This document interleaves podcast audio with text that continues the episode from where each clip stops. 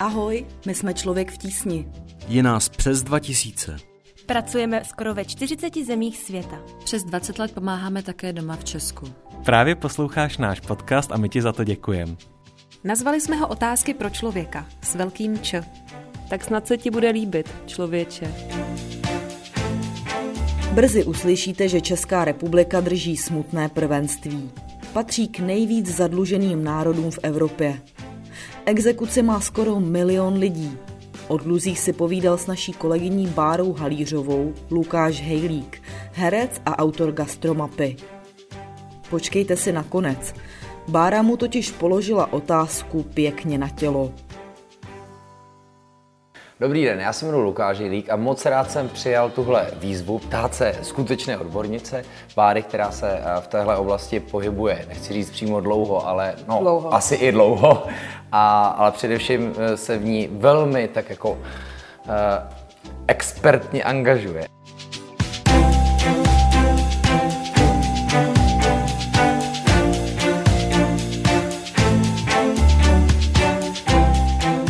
A, já jsem samozřejmě like, konec konců, když uh, se mě to týkalo v dětství, nebo tak jako když mi bylo možná 20, tak se mi to taky týkalo. Taky jsem dlužil, měl jsem malinečkou, úplně malinkou exekuci, ale tenhle problém, který je mnohem větší, má dneska, říká se, téměř milion lidí. Nevím, kolik přesně 100 tisíc lidí, ale téměř uh, milion, což je jako strašný číslo. A mám pocit, že až teďka v poslední době se tak o tom začalo trošku mluvit. No, eh, rozhodně se o tom teďka mluví mnohonásobně víc než předtím, ale myslím si, že to téma eh, je tady spojený, dejme tomu, já nevím, dva, tři roky, jako že se objevuje opravdu víc. Mm-hmm. Hodně je to spojený ještě taky jako trošku populisticky s některýma volbama, protože řada stran třeba současných vlastně tohle téma z, z mýho pohledu vlastně jako zneužívá trošku k tomu, aby nalákala nějaký voliče. Mm-hmm. Tak milion lidí. Vel, právě, to je velmi lukrativní. A z toho třeba zhruba jako půl milionu jsou lidi, kteří by mohli být adepti vlastně na oddlužení. Takže ty lidi jsou jako předlužený natolik, že už nemají jako jiný nástroj, než eh, volit formu oddlužení, což jako půl milionu lidí v čudu je poměrně slušná eh, jo, základ, jo, základna volební. A existují k tomu dokonce už i jako kvalitativní výzkumy, které o tom hovoří, že vlastně lidi, kteří jsou dlouhodobě předlužený, tak žijí vlastně jakoby v nějakém stresu, presu, v krizi, a když ten člověk žije dlouhodobě v krizi, tak je naštvaný, zlobí se a velmi často se chytá toho, že třeba volí nějaký extrémy. Mm-hmm. Takže to je opravdu i spojený vlastně s nějakýma jako dalšíma eh, důsledkama toho předlužení, je třeba nějaký volební chování. Mm. My jsme ve světě nebo v Evropě v Let's Champs jako první a mm. tady v tom jsme na tom jak? Jo, my jsme jedničky. My jsme Fakt, jako rozhodně jedničky. Oh. My jsme jako hodně jedničky, máme spoustu prvenství takových hodně pěkných. Eh, myslím, že v tomhle jsme uh, totální jedničky v exekucích no, rozhodně. No určitě. A uh, oni jako neexistují úplně přesně Eh, data o tom, jaká, jaký procento populace ve státech třeba kolem nás jako je zatížený exekucí, ale tam jsou také jako jiné formy vymáhání, jiné formy uh, toho justičního přístupu, takže ono se to nedá úplně jako srovnávat. Nicméně takhle obří množství lidí na 10,5 milionový stát je opravdu jako šílený. Hmm. Mluví se o tom poměrně jako hodně, ale spíš fungují takový ty jako HLPčka, prostě hluboce lidský příběhy a tohle jako zabírá, což je fajn, ale třeba člověk v tísně jako takový o tomhle hovoří jako řadu let a řadu let se snaží dělat nějaké jako intervence směrem ke změně hlavně zákonů, mhm. které jsou nezbytně nutné, protože tady máme některé naše zákony vlastně jako na to, že jsme v centru Evropy, na to, že vlastně se furt jako snažíme říkat, že jsme ve mně jako velmi jako vyspělá evropská země, tak v rámci téhle části zákonů jsme někde na Kavkaze, si myslím. Oh. Protože to jako opravdu má dopad šílený. Když jsem taky mluvil o tom, v čem jsme jako první a jedničky, jak říkáte vy, tak se taky tak jako hodně říkalo, že to vymáhání u nás jako šlape docela dobře. To je super biznis. Tak jako úplně jednoduchá Úplně jednoduchá matematika. Já bych nekecala, tak teď může být třeba něco kolem 160 eh, něco exekutorských úřadů. A běží zhruba 4,5 milionu exekučních řízení. Zároveň na to je ještě jakoby na, navázaná celá vlastně jakoby řada lidí. Mm, jsou to advokáti, kteří si na tom výborně vydělají. Zaplať pámbu už od roku 2014 je jakoby omezený eh, ten Klondike, který se tady vlastně dělal celou tu, roku, celou tu dobu předtím. Ten biznis je napojený nejenom na advokáty, nejenom na exekutory, ty firmy, který, ehm, od kterých vychází jakoby ty dlužné částky nebo ty pohledávky, jak jsou velmi často zpřízněný s těma advokátama. Ti advokáti jsou zpříznění s některými exekutorskými kancelářema. Do toho jsme tady měli do roku 2016 eh, jako obrovskou, obrovský biznis v rámci jako uh, rozhodčích soudů, který vlastně rozho, rozhodovali uh, mimo klasický justiční systém. To je vlastně takový jako soukromý soud, kdy člověk, když se třeba něco půjčil, tak tam podepsal právě, že souhlasí s tím, aniž by si toho všimnul, teda velmi často, že souhlasí s tím, že vlastně ve chvíli, kdy se začne něco dít a nebude třeba úplně jako správně platit, mm-hmm. tak o jeho dalším osudu rozhode právě uh, osoba rozhodce, a samozřejmě ten rozhodce jako by měl být nezávislý, ale jsem, vždycky to bylo navázané prostě na nějakého konkrétního věřitele. Takže třeba paní Vaňková, která prostě rozhodovala v desíti tisících sporech eh, společnosti Profikredit, která nám tady jako udělala jako obrovské množství jako exekucí, které v současné době zaplať pámbu i díky čas to měnící se judikatuře jsou nezákonný. Takže my teď zaplať pámbu dokážeme nejenom my, ale ještě řada jiných lidí dokáže ty exekuce zastavit v některých případech dokonce i vrátit ty peníze těm lidem zpátky, protože byly nezákonní. No tak ale, eh, když jako slyším, jak ten systém teda Jo, a jinak je to ještě, jo, ještě jako to, hodně no. propracovaný a jede, jeden na druhýho, tak asi bude docela těžký teda no, a ještě, když vzít to... tu odvahu a změnit to, ne? No, já si myslím, že tady máme řadu jako odvážných lidí v tísni a u nás je to třeba Dan Hule, který velmi často lobuje prostě na úrovni jako parlamentu a vlády jako takový, ale ono je právě blbý, že řada, řada z těch lidí a hlavně um, já teď přemýšlím, jak to říct slušně, řada z těch jako musíme, nejvíc musíme. posazených lidí nahoře um, je vlastně jako taky s tím propojená a no. má z toho nějaký profit. Prostě našeho pana prezidenta sponzorují exekutoři a je to dost navázaný právě i jako na řadou zákonodárců, tak to se potom jako těžko mění, ty zákony. Uh. A, No, Není to úplně jednoduché. Začali jsme z vesela. Mm-hmm, no, je to, to je jako ves... vůbec to... veselý téma, chápu. No, je to hodně veselý téma. Ale tak jak se to tak jako stane, že se člověk tak pohybuje kolem té propasti a že do ní vlastně spadne často možná i docela nevinně, ne? Předpokládám, že jako vždycky se eh, říká, jak si Češi strašně půjčou na Vánoce a na dovolený. Jsou to opravdu vždycky jenom, nebo z většiny takhle to já nechci říct banální záležitost, to vůbec není banální záležitost, ale opravdu těm lidem jakoby nedojde, že když si půjčí peníze, že jsou, že to si často lidi myslí, že jsou jako bohatší o tu. Momentálně, jakože když si půjčím milion, tak jsem o milion bohatší, ale vlastně ne. Že? No, já si myslím, že to není takhle úplně.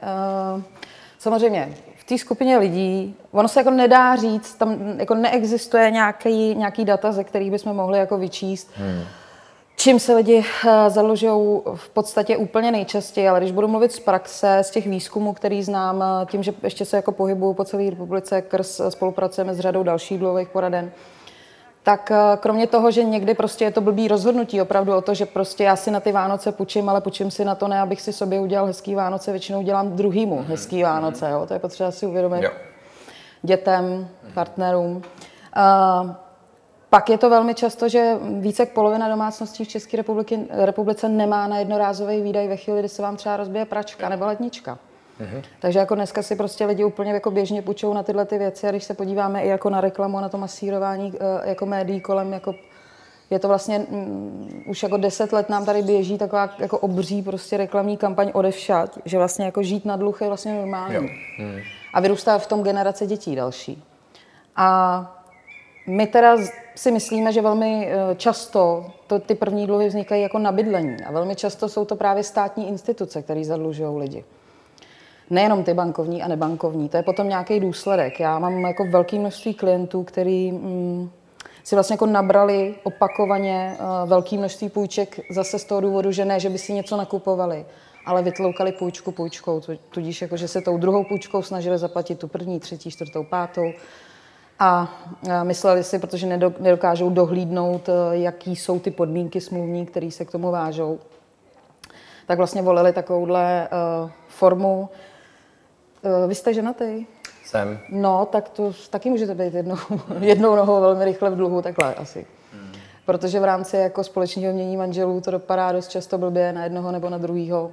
Já nevím, jestli víte, co váš partner dělá 24 hodin denně, No, už mám jaký, za jak, kde jeden- nakupuje a co Mám dělá. za sebou jeden uh, rozchod, kde jako rozvod, kde se vlastně jako tohle hodně hustě řešilo. No. No. A nebylo to vůbec příjemný.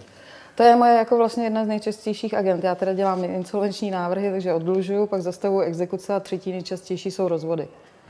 Právě z tohohle důvodu a nějaký vyrovnávání mění. To je jako uh, velmi, jako to je hlavně jako strašně likvidační. Jak pro jednoho nebo pro druhýho, nedej bože, že ten jeden zůstane sám a zůstane mu, mu na krku ještě ty děti. Takže máme prostě jako řadu samoživitelů nebo samoživitele, který prostě ve chvíli, kdy se jako rozejdou, tak uh, nemají na ten nájem prostě ani velmi často, když jsou třeba z nějaké lokality jako středočeský kraj. Nedej bože Praha, kde jsou ná- nájmy prostě jako opravdu obrovský a nedej bože, že ty lidi mají hypotéku. Což taky už jsem slyšel, že dneska je hypotéka silnější než manželství. Ale vlastně, jako, že ta tam pořád bude. Jako. No právě, no právě a jako opravdu je to likvidační. V podstatě ještě tam byl obrovský problém, nebo on je pořád, který není vyřešený legislativně s, s hypotékou společným mění manželů, je to, že vlastně vy, když budete mít jenom jeden jediný dluh, byť bude třeba 3 miliony, tak nemůžete se odlužit. Vy totiž, když se, to je jediný nástroj, jak se z toho dostat ven. A on ne, nefunguje uh, na tenhle ten případ. Když se chcete odlužit, tak musíte mít alespoň dva věřitele. A když máte jednoho, byť máte dluh jako úplně šílený, třeba mám paní, která prostě po svém manželu zdědila 8 tisíc hypotéku a nemůže mi pomoct, protože na to pořád ještě nemáme jako legislativu zařízenou. A oddlužení samotné funguje jak přesně?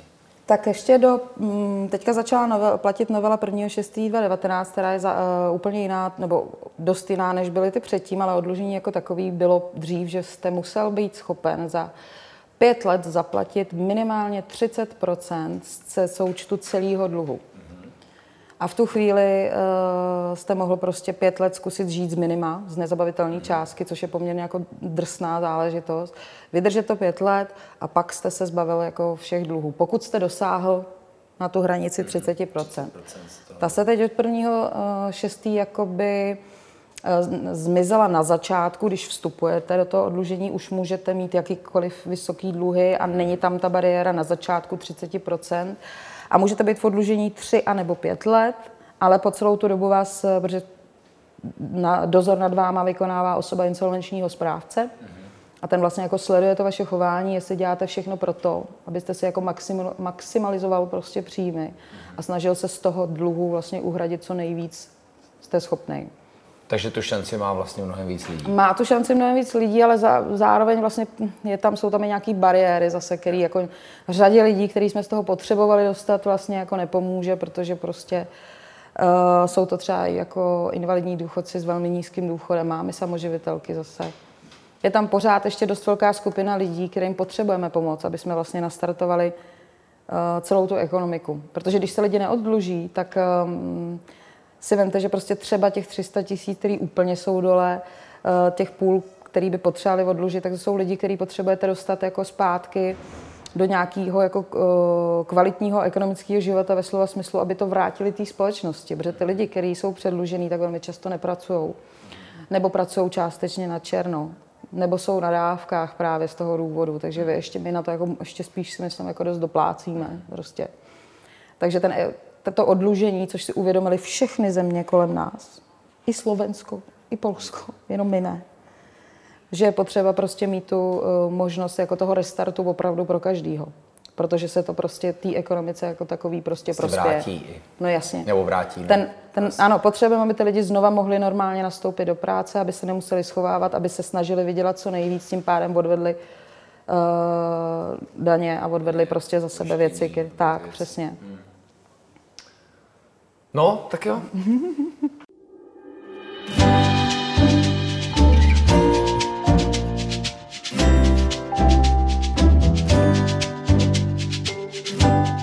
To se asi nedá říct, jestli si jako ti lidi za to můžou sami. Řada z nich udělala třeba krizový uh, rozhodnutí, který nám obecně může připadat vlastně jako hloupý.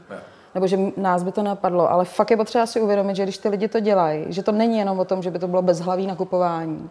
To se spíš podle mě může týkat lidí, kteří uh, jakoby neměli zvládnutý odmala nějaký hodnotový systém, protože prostě žijou jiným způsobem, nebo je to nikdo neučil, uh, nebo mají kolem sebe jenom takovýhle prostě příklady.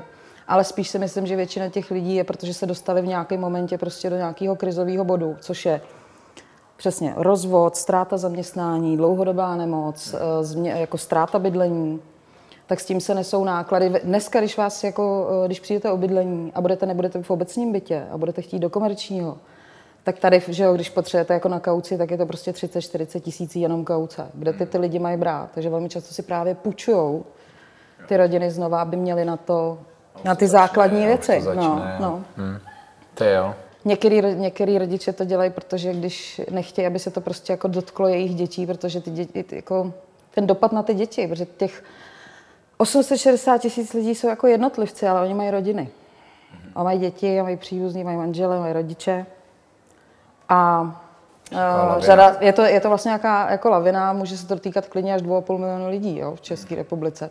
Celý ten dosah téhle problematiky. To jako... Mm, no, je to trošku velký číslo a mm, pořád se to jako ostrakizuje právě těma šílenýma stereotypama a dělají to některý lidi právě čistě jako opravdu populisticky a z nějakého jako důvodu právě, protože si myslím, že na tom oni mají svůj podíl e, jako příjmu. No. Hmm. Takže ty, budou, ty vždycky budou ty naše jako věci rozbíjet tím, že ty lidi právě jsou hloupí, že jim že nejsou dostatečně finančně gramotní, že uh, se blbě rozhodují, že mají prostě radši spát půl roku v holobytě, než si a našetřit si na svoji první ledničku. A jsou to takový jako zajímavý prostě model. A jsou to všechno stereotypy a podle mě jsou to úplně stejné stereotypy, jako zažíváme třeba při práci já nevím, s lidmi, kteří jsou z nějaký jako jiný mm, menšiny etnický. Jo. Přijde mi to úplně stejný v podstatě. A obrovský stud řada lidí tohle bere, protože tohle se netýká jako lidí eh, nejchudších a z lokalit. Ty jako mají dluhy taky, ale ty mají ty existenciální. Ale ty, tyhle ty jako větší dluhy z těch bank, tak to komu počí třeba banka, že jo? Počí někomu, kdo je aspoň trochu solventní. Jako a většinou je to no, přesně tak. A tyhle lidi jsou jako primárně zasažený v tomhle tom. Hmm. A vlastně opravdu dneska, jako, už když se narodíte, tak vlastně rovnou dlužíte. Jo, a vlastně tady pořád platí naprosto jako ujetá floskule neznalost zákona neomlouvá. Takže já když se dneska narodím, tak bych měl znát prostě jako nový občanský zákonník, ideálně občanský soudní řád, k tomu exekuční řád a insolvenční řád, takže tohle bych měla jako umět, když se narodím. Protože dneska nemáme ani ochráněný děti. My, tady, my jsme jako jedničky, v tom jsme taky jedničky, že máme... Au. No, eh, to jsem se vlastně chtěl zeptat, protože už jste o dětech mluvila i teď a to se v poslední době teda taky dost komunikovalo, jako by to najednou vzniklo, i když ten no. problém předpokládám tady je dlouho a právě proto, aby ty exekuce byly tak vysoké, tak se asi o tom zase tak dlouho nemluvilo, aby takhle narostly. No. Jako týká se to opravdu tolika dětí? Mně přijde smutný, že se to začalo řešit až ve chvíli, kdy těch dětí jakože ubývá. Protože když já si vzpomínám, že my jsme tohle před asi pěti, šesti lety začali jako hodně probírat, tak těch dětí bylo 6-7 tisíc. Oni ty děti jako v čase zletili. Mm-hmm. My když jsme o tom, jako my jsme o tom opravdu hovořili jako několik let a chodíte za těma zákonodárcema a je to prostě jako vlastně neza, nezajímá, anebo je to zajímá jenom chvilku a udělají, ježiš, to je strašný. A pak vám zafunguje, jako až, až když jako uděláte trošku větší halo tím, že uděláte nějakou mediální kampaň, že prostě oblepíte na IP Pavlova hračky exekučníma páskama a to zabere prostě po těch letech toho, když jsme napřímo, eh, naši zástupci prostě jako eh, o tom hovořili se, zákono, se zákonodárcema, tak teprve tohle jako nějakým způsobem hne. Ale já v tom prostě, eh, já doufám, že to zase nebude jenom nějaký jako populistický gesto. Je to, je to jako smutný v tom, že vlastně ta justice nás má bránit prostě primárně jako justice, nějaký právo. A to právo má být stejný pro všechny, ale rozhodně není. A ve chvíli, kdy mm, soudce prostě dostane do ruky žalobu o zaplacení, na který vidí datum narození toho člověka, tak sakra ten soud by v té první instanci tohle měl řešit a neměl by vůbec dovolit to, aby to došlo do té druhé fáze, což je to exekuční vymáhání. A to my nemáme v zákoně ošetřený. Teď se o to jako snaží, snaží prostě pár lidí a řada a některé strany se k tomu dost připojily, aby se to jako změnilo. Zaplat pámbu za to a za ně. Hmm. Ale pořád je to takový jako porad. Mně to přijde jako absurdní v tom, že i takováhle šílenost vlastně, která se jako děje uprostřed demokratické země, uprostřed Evropy v roce 2019. A furt, no, to je strašidelný. Když potom jakože konkrétně, co se týká těch dětí, já jsem tady mluvil o svý jako vlastně v tomhle celém ohledu opravdu trapný historce toho, jak jsem jednou jel na černo a narostlo mi to na pro mě tehdy děsivý peníze. A je pravda, že jsem na to měl jistý svůj uh, splátkový kalendář, ale naši, kteří to za mě zaplatili. Já měl to štěstí. Jak to potom se třeba, teď nemluvme jenom třeba o tomhle příkladu toho, té jízdy na černo, ale je to tak, že se ty děti za A bojí to doma říct, nebo to prostě rodiče řeknou, ne, nebo to neřeší za ně jejich rodiče. Co, co se dá se vůbec s tím dětem poradit? No tak my se v rámci třeba našich uh, programů, který děláme podpory, v podpoře vzděláváním uh, v České republice, jak se věnujeme vzdělávacím workshopům na základních školách, kde na tohle jako intenzivně upozorňujeme. Snažíme se to učit učitele, aby na tohle ty děcka upozorňovali. Nicméně je tam přesně ten faktor. Já nevím, um, když je vám prostě nevím, 12, 13, rozstáváte peníze na lítačku a vy ji utratíte za něco jiného, než za tu lítačku, tak nevím, jak moc se to jako dobře říká rodičům prostě doma. To je takový ten klasický faktor. Hmm. Druhá věc je, Já že... Chci představit tuhle situaci. Tak. Aha. Druhá věc je, že vlastně vy dostanete následně na to a někdy ani ne, vlastně jenom domů jednu tu upomínku a někdy ani ne. A vlastně ty, to vymáhání a ta exekuce se začne dít až v době, uh, respektive ty dopravní podniky to jako intenzivně dělají, že vymáhali až v době zletilosti toho dítěte. Mm-hmm. Takže ten rodič nikdy nemá vůbec ani šanci to objevit. To dítě to buď zapomene, nebo to vytěsní, protože je to prostě průser. A nebo je v tom jako velké množství dětí, které to ani nevytěsní. A to, to si jako řada lidí vůbec neuvědomuje, že pokud se to týká rodin, které jsou prostě na hranici chudoby, jsou z nějakých jako vyloučených lokalit a oni to dítě se snaží vytáhnout z toho marastu, ve kterém se narodilo a žije, tak ho, tak ho jako nějak dovedou k tomu, že třeba musí jezdit, já nevím, na střední školu nebo na základní školu někam jako jinam, takže to dítě se prostě jako musí pohybovat. Třeba tady v Praze úplně, že jo, tady jako z jedné strany Prahy na druhou. A to dítě do té školy chodit musí, ale ty rodina prostě opravdu jako nemá ty peníze na tu lítačku. Jakože nemá. Oni vědí, že to dítě ty pokuty má, ale oni nemají jak to zaplatit a nemají, protože pro ně, když tady by měli zaplatit 1500 korun pokutu, tak pro ně je to jídlo na 14 dní pro některé rodiny. To se lidi jako neuvědomují. A ty děcka to vědí a klidně řeknou, že tu pokutu měli, ale jako reálně prostě není jak. Takže co? Takže mají dopravní podniky být pro děti zdarma? To, co už mnoho měst udělalo? Mnohokrát to říkala, myslím, že, by, že jako do určitého věku by to vlastně bylo jako OK. Logický. Logický, zároveň. Do 15. No, to já si myslím. Zároveň tak ve chvíli teď už může třeba jít na brigádu a vydělávat si, aspoň by to bylo fér. Um, zároveň prostě uh, by se mělo ošetřit zejména to, aby uh, tu odpovědnost měli ty rodiče a dostali se k té informaci. A ještě jsem zapomněla jako velká skupina dětí, které jsou v náhradní rodinné péči, nebo v ústavní péči, nebo v děcáku.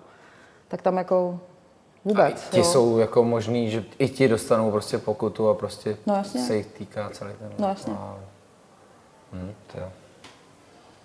No, hezký téma, jsme se zvali. No, něco veselějšího. Uh, no ne, no tak uh, Člověk tísní, už jsme o něm mluvili, že se tímhle zabývá dlouho, nejenom v téhle době, kdy se to komunikuje, ale díky bohu, že se to komunikuje, tak jak on přesně proti tomu bojuje. Máme tady jako skvělý kolegy, který prostě si vždycky mm, nějakým způsobem ten problém rozeberou, dělají si k tomu právní analýzu, spostažili se maximum dat, který je možný sehnat, protože dneska některé data sehnat je opravdu jako obtížná záležitost. A ideálně dokonce navrhují i jako konkrétní uh, změny a úpravy zákonů. Není to úplně jednoduchý a samozřejmě, samozřejmě je k tomu potřeba nějaká jako dlouhodobá odborná znalost. Té problematiky a člověk v tísni má výhodu to, že s těma dluhama už jako si myslím přes 10 let prostě pracuje a, a ten, to téma máme poměrně hodně rozebraný a tím, že pracujeme s několika tisíci lidmi v České republice, jak máme i jako vhled do těch jejich konkrétních problémů, máme k tomu dokumentaci, máme to prostě zažitý, evidujeme to, scházíme se každý dva měsíce jako dluhovci k tomu. Takže ti, kteří lobují jakoby za nás eh, v rámci jako změn těch eh, zákonů, tak od nás mají poměrně jako široký uh, spektrum informací a dat, což je velká výhoda třeba. A je dobrý se ještě spojovat s dalšíma organizacemi, aby to tu váhu mělo větší. Co vás na tom ještě baví, na té práci? Co mě na tom ještě baví? Vlastně, to děláte dlouho. A... No já ty dlouhy dělám asi... asi no. vidíte vždycky ty světla třeba, který, myslím, na konci tunelu zase třeba i zhasnou a třeba ne a teď se to mění, nemění. No, právě. Co vás na tom ještě baví? Uh, co mě na tom ještě baví? ještě? co mě na tom, ne, jako... Mm, Baví vás Aj, na tom ještě něco? něco. Eh, kdyby mě to nebavilo, tak to nedělám, protože já už se jako odtrhávám od tísně několik let a pořád to nejde přetrhnout. Jako peční šňůra, já už tady pracuji jenom dva dny v týdnu, protože dělám ještě další jako věci. Tak eh, je to ta, za prvý je to ta atmosféra tísně jako takový, ty lidi, se kterými eh, já to dělám a tady třeba konkrétně já dělám na Pražské povici a tam je to strašně fajn a hrozný roky. A druhá věc je, že díky tomu, že to dělám dlouho, tak mám možnost právě trošku mít tu zpětnou vazbu, kterou některý z nás jako za kratší dobu jako nemají. Mm-hmm. Že se mi někdy ozývají ty lidi po letech a nějak jako o sobě dávají vědět, že to dobře dopadlo, nebo prostě řeknou, Uh, jako nejlepší, když vám prostě sebevrah řekne, že jste lepší než 10 psychiatrů prostě mm. a vy ho jako vytáhnete do normálního života, už nedělá takovýhle blbosti tak to jsou věci, které jako eh, člověk pořád vidí, jako že mají smysl dělat. Mm-hmm. A to dluho, dluhový poradenství jako takový je poměrně pořád ještě jako unikátní a těch dluhových poradců je hrozně málo. Mm-hmm. A my tím, že jsme vlastně odborní sociální pracovníci, není to jenom o jako nějaký znalosti dluhů, tak vlastně řešíme tu řešíme ten problém toho člověka jako komplexně, od jeho příčin až, až potom jsou nějaké jako řešení následní ale snažíme se ty lidi jako ošetřit vlastně ze všech stran, takže jako řešíme i ty jejich jako vztahy rodiny, jejich situaci, další problémy. A to je, si myslím, hodně důležitý.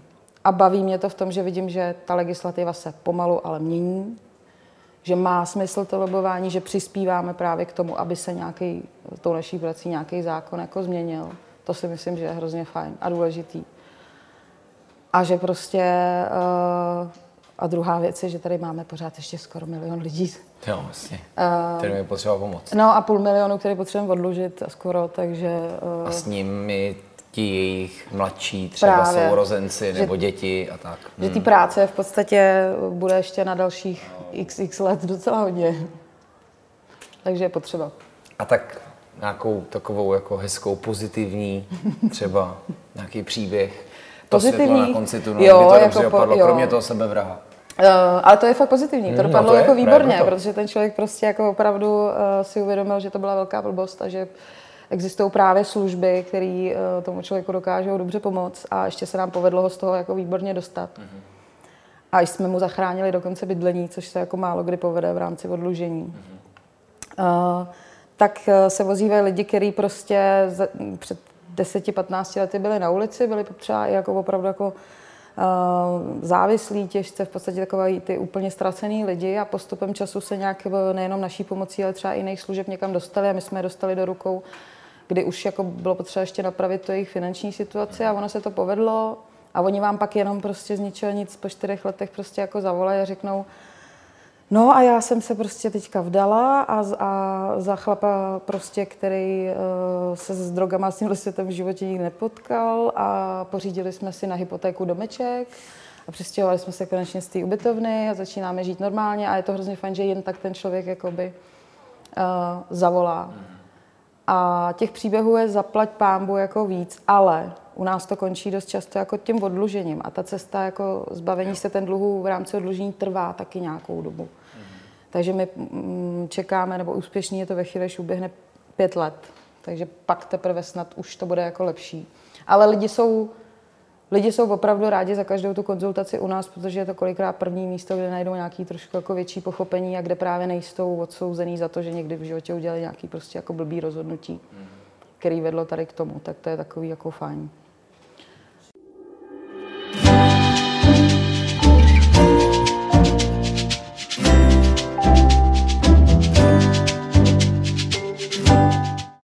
Chtěla taky zeptat, jestli kromě toho, kromě té vaší první jako eh, malé zkušenosti s tím dluhem, tak jestli jste se s tím setkáváte vy ve svém okolí, jako v rámci jako třeba, nevím, známých, rodiny.